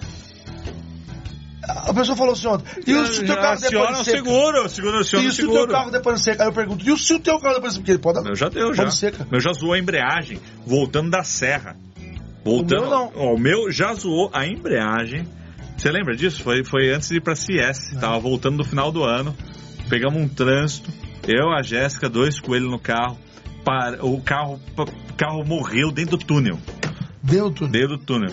Veio o cara lá, rebocou a gente pra fora do túnel e a gente ficou umas 4, Parou o 5 trânsito, horas ali esperando o seguro. Não, não, tava, não tinha muito trânsito Não. ali, né? já tinha liberado. E os coelhos, com fome, com sede, querendo fazer xixi no carro. Nossa, que desastre. Ó, o que a Jéssica falou isso aqui? Ela tá falando do, é, é, do cachorro. O que, que ela tá falando do cachorro? Falou, Falou o quê? Epa, eu dei pra. Ô, Junior. Que inveja. Pois é, cachorro. Então eu falo pra você. Cachorrinha calma aí. Cinco anos ela tem, né? Nossa esperança é que até lá chegue. Porque é complicado. Ó. Vamos propor umas que estão antigas aqui, ó. Corre elegante. Corre elegante. Corre elegante, Bruno Ângelo. Arícia Ellen, eu te amo, meu amor! Tem mais? Só isso que Correio, correio, correio free dele. Correio free dele, Daniel Taiguara. Edi, minha ginasta, vai com calma nos treinos. Te love! Thanks, Doc, thanks, Doc, thanks, Doc. Muito bem. E esse não é um correio, mas o Davi Lucas pergunta: Danete, cadê o vídeo da TV Samsung 8K? Cadê a TV Samsung 8K? Mas vai ter outra que vai ter a nova, a Neo que é LED. Então vamos ter um vídeo de uma TV 8K Neo o de mini microfone LED. tá aqui, Júnior. O microfone tá aqui, ó. De mini O LED. microfone tá aqui, Júnior. Vamos ter. Vamos ter um vídeo de uma TV 8K de mini LED. Aguardem. Ah, é o Vinícius, eu não entendo. Ele falou que eu só tenho que ir pra não comprar mais ovo de Páscoa. Todo dia é Páscoa lá em casa. Mas os ovinhos são pequenininhos, assim, ó. E são vários, viu? Ó, Bruno Starnes, ele que está se recuperando do Covid. Canais, aviões e músicas ou aero por trás da aviação, os dois explicam tudo sobre o boom supersônico. Acho que a lei existe nos Estados Unidos só, mas isso atrapalha o, mercado supersônico comercial. Então, tá aí a explicação do Bruno. E ele também comentou que o RV era um indexador para o dólar. Quando o real entrou para valer em julho, chegou a valorizar e o dólar custava menos de um real. Era tipo 0,85 para cada real, eu lembro disso. Saudade. Quando eu fui, não, era um por um mesmo. Temos que lembrar também que além da pane da, da serra do carro, uma vez ele também morreu. e- Essa foi do nada que ele morreu. Mas não acontece isso, não. Olha lá, morreu na Washington Luiz com os dois cachorros vomitões. O cachorro não pode ficar dentro do carro há muito tempo, a gente tava levando eles no veterinário, que era pra castrar. Não lembro que era uma consulta, alguma coisa. Mas nem se ficar distraindo eles. De- é, a gente faz isso, mas ameniza só. Mas inevitavelmente uma hora, plop, sai uma gosma. É programado. Então a solução é comprar uma Kombi, tirar os bancos, fazer ali todo um, Essa é a solução. um canteiro, é, pra transportar. Nicolas Oliveira pergunta qual dos dois está usando o ZenBook Duo Pro? O Duo Pro não conhecemos. O produto. O Pro Duo é de 15 polegadas. E esses dois são ZenBook Duo. Não é, não é Pro. Não, mas os dois têm wallpaper de Pro Duo. Põe na tela aí, Tejada. Segundo, segundo o wallpaper aqui, ó, do meu notebook, ele é o, ele é o Pro Duo, ó. Mas não é. Mas ele é o Duo. Eu me confundo muito com Ele, ele não é o Pro. Inicialmente os dois modelos eram Pro Duo, aí a Asus mudou e o maior de 15 polegadas com GPU dedicada de verdade é o Pro Duo. E esse daqui que tem a GeForce MX, tela de 14, ele é o Duo. Então são duas versões do Duo 2020 e 2021. É isso aí. É isso aí. Quanto que a Asus está pagando? Nada. Eles cederam as- os produtos pra gente. Cederam aquele produto. Esse aqui tá no período de testes ainda, mas a gente Esse tá, tá de tá torcendo pra ficar, né? E, e é assim, é o melhor notebook pra live com duas telas. Com certeza. Melhor, melhor, melhor. Vamos lá. E o rapaz aqui mandou atualizar o Windows. ó. Ele viu o ícone aqui do Windows. Falou, atu- não atualiza o Windows antes da live. Nunca, nunca, nunca. O Infinity Gameplay perguntou se a gente não lê o chat da Twitch. A gente lê, só não tá tendo comentário. É. Bruno Senna falou, Will, você mostrou o, o Mickey aí, me lembrou do, da rifa antiga. Como é que tá? Ainda vai rolar? Vai rolar, assim que a rifa fechar. A gente precisa divulgar ela de novo. Ela tá sendo adiada automaticamente, mas você que comprou a sua rifa, calma. Até o fim do ano sai essa rifa. Até o fim do ano, eu tô jogando longe já, hein? É, Mas calma, vai ter. Ninguém, vai ter. ninguém vai ser lesado. Todo mundo que comprou vai concorrer quando rolar. Master Gamer falou, não sei se já falamos disso, mas viram o F-150E? É a, a Ferrari elétrica, né? Nossa, eu nem vi. Isso tá longe do meu, da minha bolha. É a Ferrari elétrica. Não é Ferrari elétrica, é a Ford, o F-150. Ah, as, as Ferrari é tudo com F. F- F-150 é a picape, né, da, Ah, da então Ford. pode ser. Porque a Ferrari também tem a F, não sei o que lá, entendeu? Né? Eu não sei, Então, então, desculpa. mas eu não vi. É porque tem uma, tem uma picape que chama F, F-150 mesmo, da, da Ford. É. Eu não Essa? nada, eu joguei no Google aqui apareceu. Ela é F51. Eu lembrei que eu testei ela lá na. É que chama a, lá a Ferrari elétrica? Então põe aí, porque também lançou é, essa semana. É, a, a primeira picape elétrica da Ford é a F-150 Lightning. Ah, Então, Lightning. então, é, Lightning Nossa, chama. Então acho que é a Ferrari mesmo. F-150 aí? Eu não sei, gente, eu não sei. Mas acho que a gente comentou isso em algum momento, hein? Se for. Agora não lembro. Eu não sei, eu não acho nada com esse, com esse, com esse termo aí que você botou, Majestade. Traga mais informações, por favor. O, o- o Adriel de Souza mandou uma azeitona, muito obrigado. E o Adeandros Esdras mandou aí, ó. O Eu há planos para um conteúdo sobre as diferenças das GPUs integradas da AMD e Intel. Tá osso comprar notebooks com GPUs dedicadas. Adeandros, você está interessado em GPUs integradas de notebooks? Da Intel a gente até tem, co- tem coberto aí com uma certa precisão aí, inclusive no vídeo do M1 comparei com a HD Graphics, né, com a Intel Xe Graphics agora. Ah, comparei também no vídeo do M1, do, do M1 não, do ZenBook Pro Duo, botei os benchmarks lá. Mas essa é uma pauta muito legal. Porém, notebooks com Ryzen, com a GPU integrada, não, tão, não estão muito populares aqui no Brasil ainda, né? Mas, pô, uma ideia muito legal a sua. Eu gostei bastante. Pegar dois notebooks e comparar. A Majestade falou que é a Ford mesmo, Ford 150 Pickup. Ele viu no MKB HD. Ah, é, F-150. E a Ferrari é a SF90. Muito bem. O povo manja nesse chat. Não tem... Não, eu sei que tem a Ferrari, tá, mas eu não, eu não sabia o nome. O Leonardo Eufrásio Júnior falou: a cadeira do Naná tá em cima de um pallet? Não só a minha. É, as duas. Porque essa bancada aqui foi feita para banquetinha. É, ou E aí? em pé. Quando chegaram as cadeiras, nosso querido David Samoliones, o Super Hands aqui do Loop, foi lá e produziu aqui dois, duas bases aqui para as cadeiras, para a gente poder hum, continuar usando a bancada aqui. E aí na hora de gravar os vídeos normais, as cadeiras ficam aqui dos lados né, da bancada. É, é, inclina aqui o pallet, encaixa aqui embaixo da mesa e já era. É isso aí. O Matheus Kur mandou aí, ó, só para contribuir, acompanho vocês desde 2010, 2.5 aí, ó, 25. Obrigado, Matheus. Muito obrigado, Matheus. Obrigadão. O Marcos Hesky mandou aí, ó. É verdade que o carregamento por indução reduz o desgaste da bateria? É verdade. Essa teoria um vendedor usou para tentar me convencer a comprar um MagSafe. Não, não é uma só uma teoria. Como, na verdade é o seguinte: imagina que ele te dá, ele tá te fornecendo menos. É, Menos. É, menos. Como é que é mesmo a, a diferença de corrente com, com tensão? Corrente, corrente é, é A. 0.1A, 5A. Amperes. Tensão é volts. É, exato. Corrente é amperes, tensão é volts. Entendeu? 110 volts, 220 volts. 10 volts, 15 E o volts. que, que é, por exemplo? AC, Tá bom, DC. eu, eu, eu, eu tô plugado numa tomada 110 volts, é tensão, Fechada, me ajuda, hein? é tensão. Ela é 10 amperes, é corrente, só que ela tá me fornecendo 3 kWh. O que, que é isso? Não, mas quilowatt-hora aí já é uma medida diferente, né? Ou seja, estou perguntando, o que é isso? É, é o, acho que da tensão? o, o, o quilowatt-hora é, é, é- O TJ vai saber explicar melhor, mas é um número que você que é absoluto, de quanto de energia o negócio está consumindo. Isso eu quero saber, mas isso é Ah. o que? Isso aí é vazão? Isso aí é... Qual é o nome disso? Energia, né? Energia. Não, Quilo- tipo, quilowatt. Tipo assim, se, se, se é um cano e, e, e sem tanto d'água, hã? Por isso o TJ sabe. É, quilowatt-hora é a unidade de consumo. É. Se- não, eu, tá eu sei, consumindo? o que eu, eu, eu, eu tô falando o seguinte. Energia, eu acho que seria joule. né? É, energia seria joule. Não, eu tô falando o seguinte, ó. Por exemplo, o meu carro elétrico aqui. Eu tenho é, alguns carregadores diferentes. Eu, quando eu uso esse, esse aqui do loop, ele tá ligado com 32 amperes, diretamente do padrão, tipo o trifásico, e ele me fornece 7 kWh. O que, que é o nome, o nome disso? Ah, a vazão é de 7 kW. A, O quilowatt é o consumo, quanto, Não que, ele sei. tá, quanto que ele tá consumindo Não, mas- de mas- energia, energia, né? Não, mas deve ter um nome de. É, o nome desse. ca- Tipo assim, a. Se for um cano, é a vazão. A vazão desse cano é de, é de, Ah, é de 10 litros. transferência de energia, não é? Não, mas, mas deve ter um, um termo técnico. Chat. Vou jogar pra vocês aí, porque eu não, não sei. Você entende? É, tá Aqui, falando alguém que- falou potência. Tipo isso. Tem que ter um nome assim, É entendeu? potência Não tô falando que é potência. é quilowatt é potência, mas quilowatt-hora é o consumo.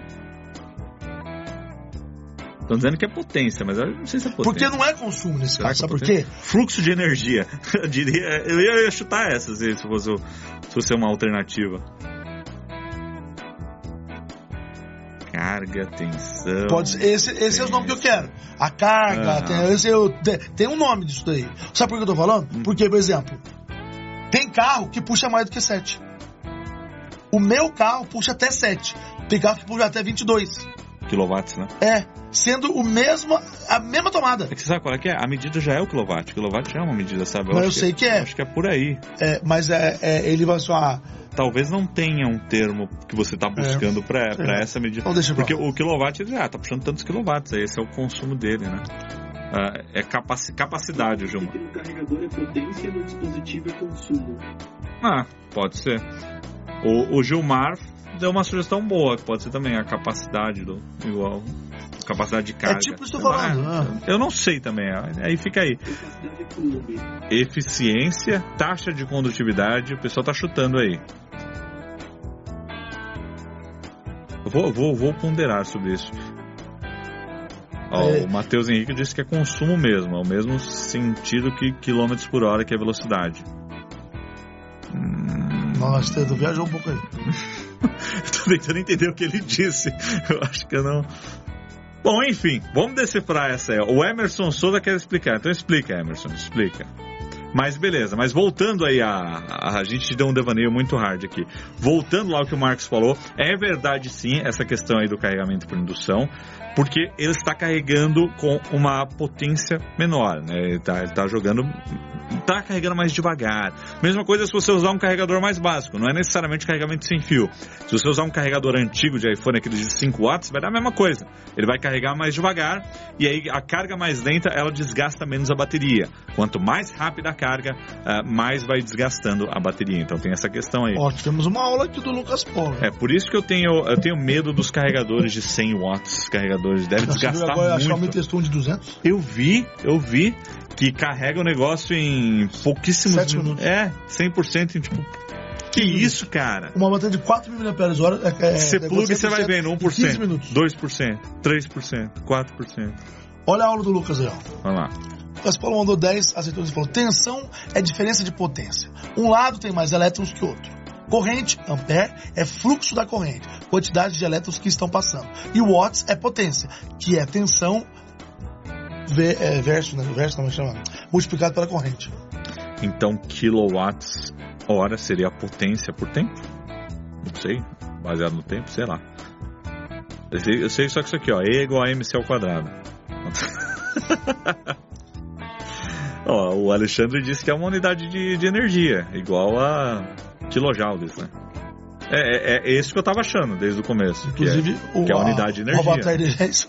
É, é igual. Então ele é manjado o negócio, né? Eu acho que temos uma autoridade aqui. Ah. Mas enfim, tá aí. Fica aí como uma questão é, mais ou menos Inclusive, eu resolvida. tava pensando nisso ontem no banho. Não sei se vocês também têm isso, eu tenho ideias boas no banho. Ah, não, é o santuário das boas É, ideias do ser humano. Eu tava pensando, é, eu, eu faço parte do, é, do Abravei, né? Que é a Associação Brasileira de é, Proprietários de Veículos Elétricos. E tem um cara no grupo, lá do WhatsApp, que ele é engenheiro eletricista fodão. Ele chama Zeno.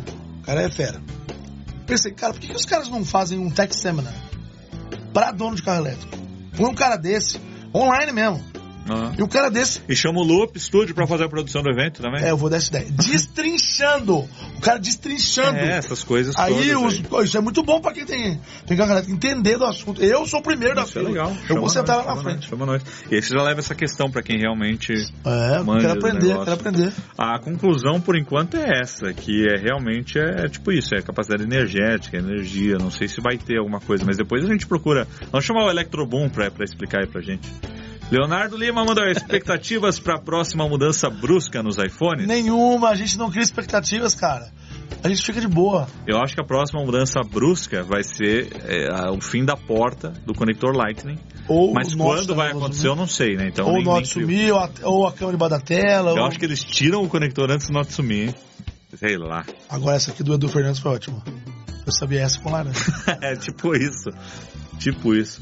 O Caio Lima falou que você é rico mesmo, você tem carro elétrico. É, eu quis pôr ele, esse, esse comentário dele aí, Você é rico, hein? Bem-vindo ao loop, acho que você não tá sabendo o que tá acontecendo. Carlos Monção falou, aí, ó, boa noite, vocês acham... Moção? Monção. Vocês acham que o Fidelity FX vai dar um up nas APUs da AMD? Político não se venera, se cobra. Boa, boa frase.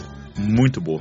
Agora, Fidelity FX. Vai dar um up sim nas APUs da AMD, vai dar um up até nas GTX da NVIDIA. O Fidelity FX, para quem não está sabendo, é tipo o DLSS da, da AMD, que foi anunciado essa semana aí. Então é um upscaling inteligente, né? Reduz a resolução, porém faz um upscaling ali usando uh, recursos de, de, computação gráfica, inteligência artificial, para você ter tipo um 1080, mas a placa, por exemplo, 1080p, mas a placa tá, tá renderizando 720, aí rola esse, esse upscaling e você não perde qualidade. Tipo um, uma explicação bem grosso modo aqui. Agora, isso daí vai funcionar também nas GTX da NVIDIA. E isso é um tapa na cara da NVIDIA, porque a, o, a tecnologia DLSS da NVIDIA só funciona nas RTX. Então, série 20 para cima, né? Série 10, 1060, 1080, etc. Não funciona. E esse negócio da AMD vai funcionar nessas aí da, da, da GeForce, da NVIDIA, né? Da GeForce GTX. Então, acho que vai dar um up nas APUs também, a Vega e etc. E isso é muito bom. Isso é muito bom. Finalmente aí a AMD trazendo uma resposta pro DLSS. Vamos lá, próximo aqui é do AD Andros falando sobre a mesma coisa. Ó. Pois é, Will, sempre ouvi falar que a AMD é superior à Intel nas integradas, mas nunca soube o quanto. Aí meu pai comprou um Acer com Ryzen 5 e me interessou. Eu não sei nos notebooks. Eu sei que nos desktops é notável o desempenho mais alto, mas nos notebooks eu não sei. E o Iago Emanuel, ainda vale a pena comprar um iPhone 10R em 2021? Eu tô querendo comprar em vez do, do 11. Ah, tá. iPhone 10 é. Oh, Iago, depende de você, né? Vale a pena. Pô, você precisa do que tá no 11? Olha lá os recursos que tá no 11. Alguma coisa que tá no 11 vai te fazer falta se você não comprar ele? Se você não vê nada na lista que vai te fazer falta, compra o 10R. O 10R ainda é um excelente smartphone, mas se vale a pena ou não, depende de você. Pedro Jerônimo Souza, olha aí ele com o nome grande. Eu não vou lembrar o nome completo. Eu só, vou, só lembro que você é o Pedro Jerônimo. Jerônimo! Jerônimo! Comprei dois MagSafes nos Estados Unidos, chega daqui duas semanas. Eu li em muitas matérias que o dispositivo favorece a manutenção da vida útil da bateria. Acabamos de falar disso. Eu entendo que a Apple não faria algo para piorar a usabilidade. Será que não? Então, não, é, também não vamos, né, não vamos colocar a Apple lá no pedestal, que é. pode ser que eles façam por do interesse deles. O que eles fazem para piorar a usabilidade é, por exemplo, é, matar um, fazer uma troca de um conector por um proprietário. É, tirar o P2, te forçar, é, ficar, não é, é usabilidade, é, é para piorar a usabilidade geral, mas para favorecer a o usabilidade design, no ecossistema. Ah, vou, vou melhorar o design também. É, mas sim, é, favorece a manutenção da vida útil da bateria pelas questões que a gente já explicou aqui, né? O carregamento mais lento. É, eu acho que assim, um MagSafe ele tem uma vantagem que é o alinhamento perfeito das bobinas, sempre. Isso ajuda você ter uma eficiência energética melhor, evitar superaquecimento e tudo mais. Mas fora isso, é um carregamento TI. E, e, isso só vale para esses carregamentos que a gente considera aí de até 15 watts e tudo mais, porque quando a gente fala de carregamentos rápidos como da Xiaomi, que já faz aí, a Realme 70 watts no carregamento sem fio que a gente já viu, aí, aí é a mesma coisa, né? Então não é exatamente o carregamento sem fio, mas sim a velocidade do carregamento. Agora, é, eu vou testar, eu já falei que aqui no meu aqui no meu iPhone 12 eu estou usando a case da, da Spigen, aqui, tá aqui, ó. E eu tava olhando, a própria Spigen também faz um, um MagSafe deles. Eu vou testar, ele custa bem mais barato. A case custa 19 dólares contra 49 da case da Apple. E o carregador custa 29 dólares. Quanto que custa o, o MagSafe mesmo? É mais de 40? Mais... Deu rosa. Deu rosa? Deixa eu ver aqui. Eu não lembro se era 30. Aqui, aqui né? É um não, absurdo. Não, não foi. Pera aí, MagSafe Char 39. Então, assim, custa 10 dólares menos, só também não é tão mais barato, mas eu vou testar. O da Speaking pra. Depois eu falo pra vocês, tá bom? Ó, o Vitinho aí, ó. Apple não faz para piorar a usabilidade. O Magic Mouse sem bateria mandou abraços. É, mas ele tem bateria, só é de é, pra é, Não, o que era com pilhas. Ah, é. Nossa, Esse que eu tinha, na verdade. Queimava é, a bateria muito. A pilha muito. A pilha acaba muito rápido naquele mouse. Tá louco. Eu tenho ele ainda hoje. É, o Wilson curtiu, ó. Deu, deu roça.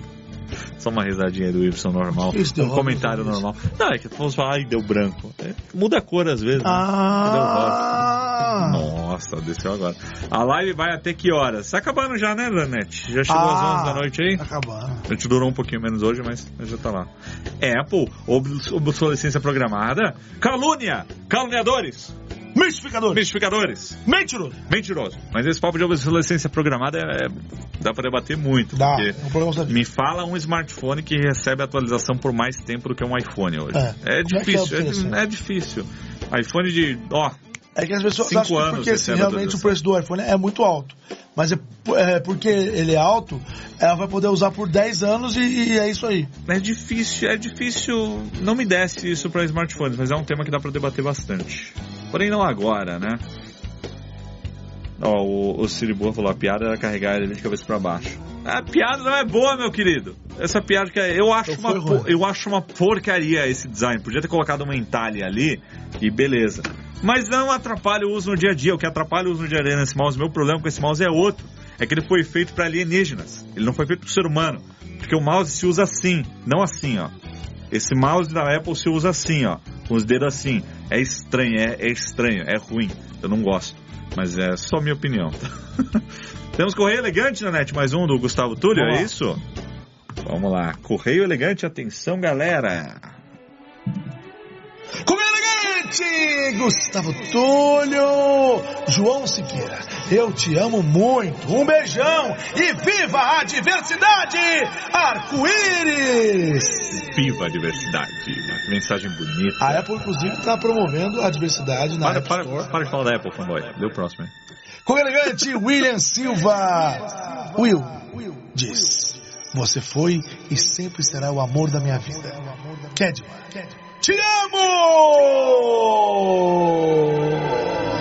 Temos aqui também o Matheus Henrique, que mandou um aí que também classifica como um correio. Matheus Henrique, saudades, teta! Ficou estranha a frase.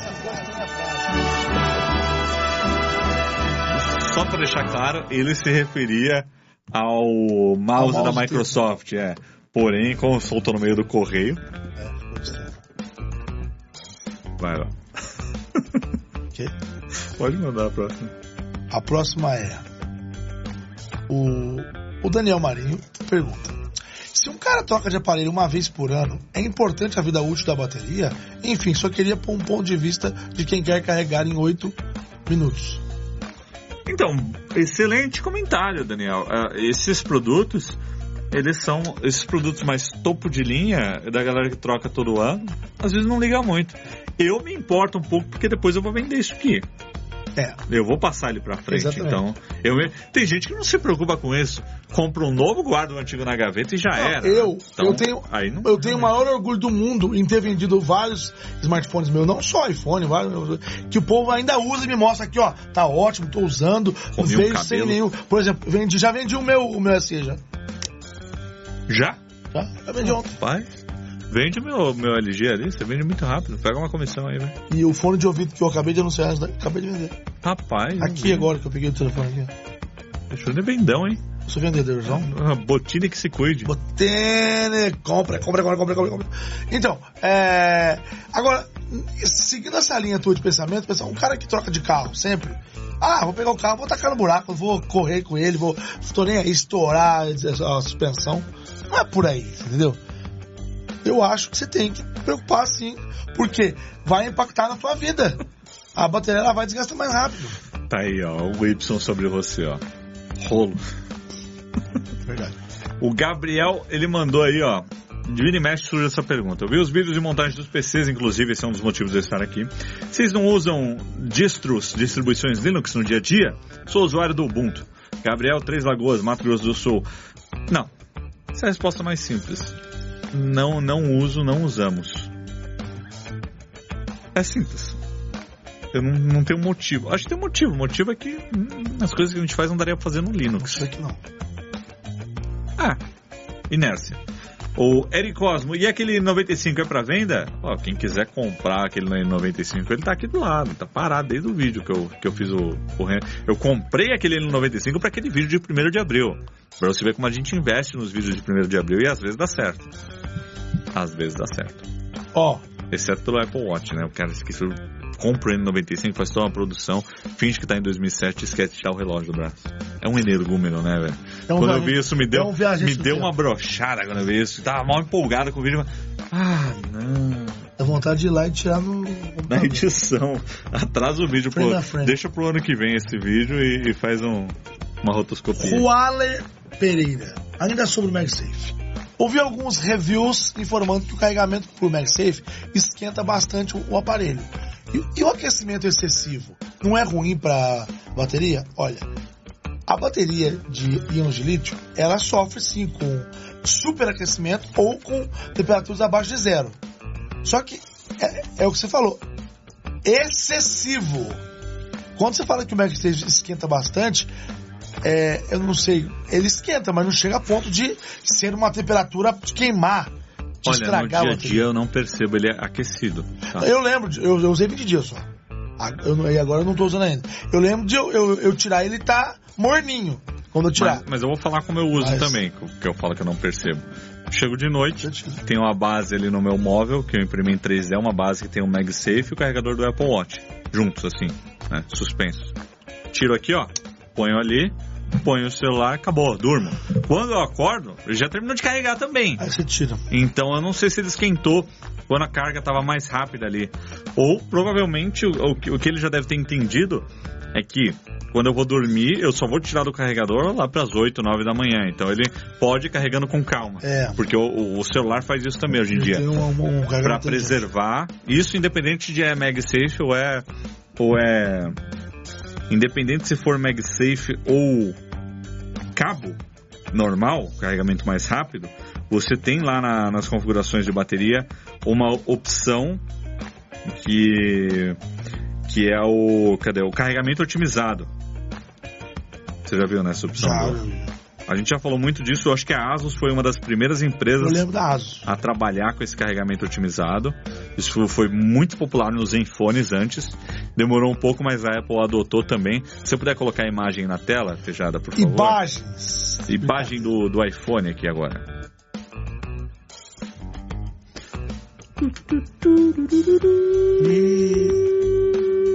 Eu não sei se foi, peraí, ele tá, ele tá dando uma olhada se os. Aí.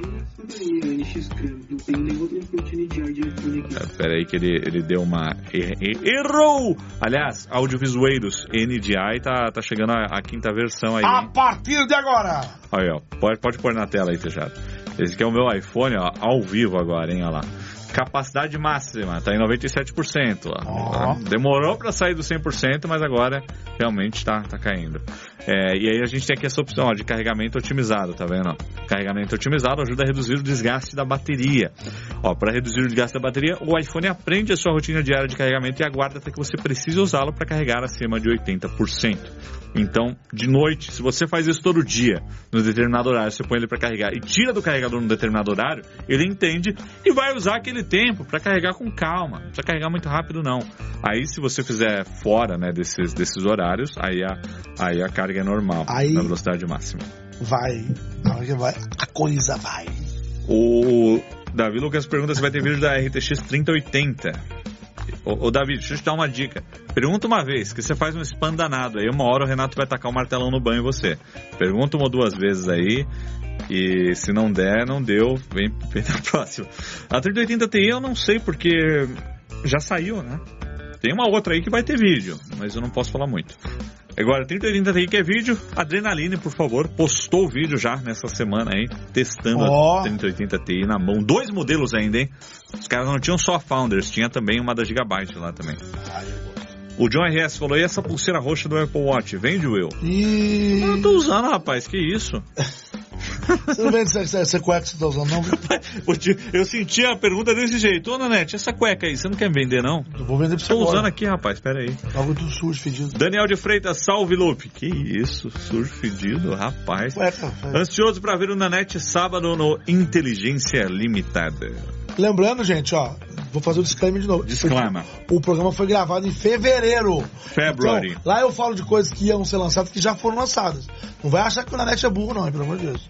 Já que eu sou burro pra outras coisas. Mas... Pelo amor de Deus. Gente, últimos comentários aqui da live. Luiz Gustavo, alerta de praça. Ao lado do Will. Nossa, que você escreveu praça assim, gente. Pelo. Nossa. Aquele pressa, não é? Não, praça, praça é nossa. Ao lado do Will, o filho do instalador de TV a cabo, o Júnior da NET. Ô Luiz, essa daí ela não, só, ela não só é ruim. Ela é antiga, ela é. Ah, cara, você escreveu o dois S, então. Ah! Deixa pra lá. Ah! Não, não vai, não. Deixa ele. Deixa ele, cara. Respeita o cara. Difícil. Apertar uma bugada aqui, reiniciei. Ó, não vou vender a pulseira, voltou aqui o comentário dele. O Arthur pergunta se eu imprimo muito com a Ender. Curtiu a impressão 3D? A impressão 3D eu curti, a Ender não. Mas isso é algo que acontece com qualquer impressora 3D. Só pelo fato de ser uma impressora. Teve uma época que eu consegui imprimir de tudo. Teve uma época que eu não conseguia imprimir nada. Aí teve uma época que começou uma bola de neve de uma cagada atrás da outra. Primeiro. Deixa eu lembrar o que aconteceu primeiro. Bom, primeiro é o nivelamento, né? Que é um saco. Aí compra o nivelador, instala o nivelador. O nivelador é genérico, é o 3D Touch, não é o BL Touch. Ele não funciona direito às vezes.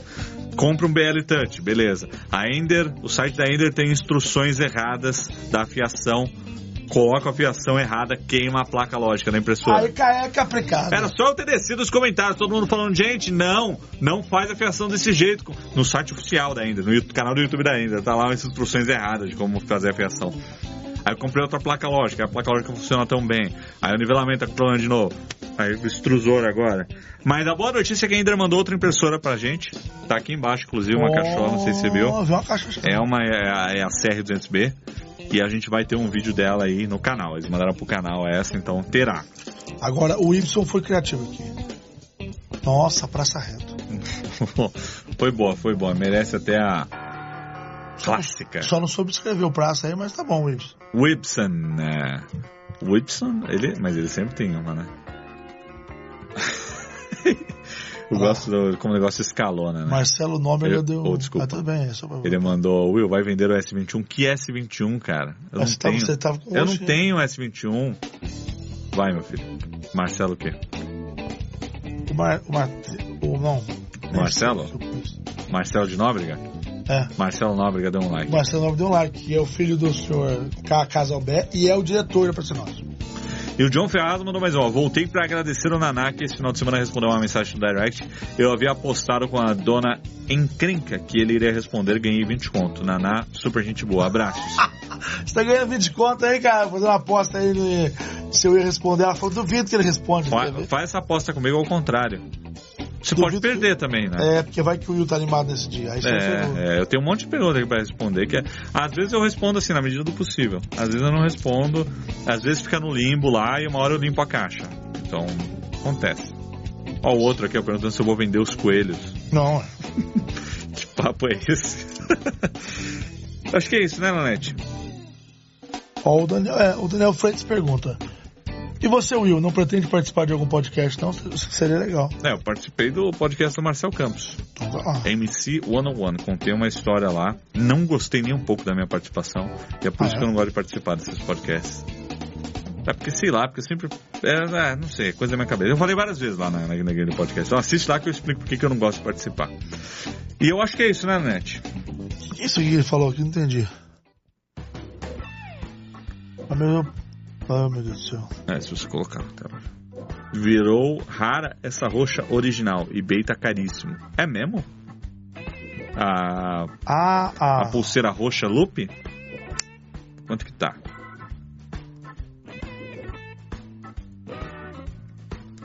Não sabia que tinha. É, eu nem achei ela no, no eBay. Bom, não vou vender de qualquer jeito. Só acho. Só E a acho, Quilena, mas do- tá quase dormindo aqui. eu só acho as genéricas aqui no eBay.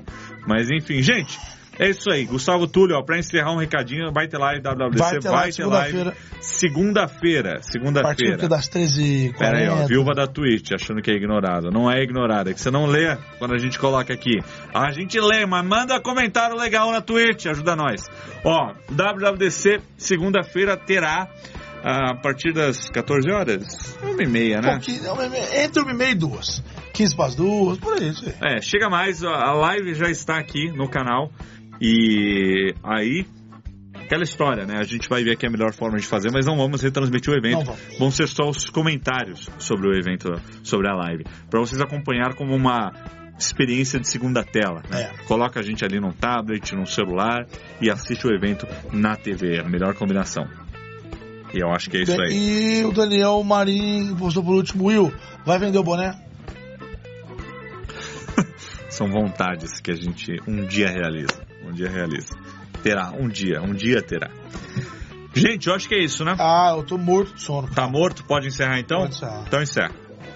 Então é isso, pessoal. Muito obrigado por você que participou de mais um. Loop ao vivo. Esse Loop ao vivo 221 dessa quarentena maluca. Obrigado a você que está prestigiando os vídeos do canal. Tivemos aí iPhone 12 roxo. Tivemos aí é, o, o vídeo da placa também de um milhão. Enfim, vários vídeos aí que estão a caminho também desse loop que é infinito. E é isso, moçada. Continua com a gente aí e a gente se vê, vocês vão acabar. Chega mais, semana que vem tem live, ó. O Will, melhor apresentador do Loop na net, é bom também. Na net é bom também. Assim a gente encerra a live com o mesmo comentário que a gente começou. Valeu, galera! E até a próxima! Falou! Falou!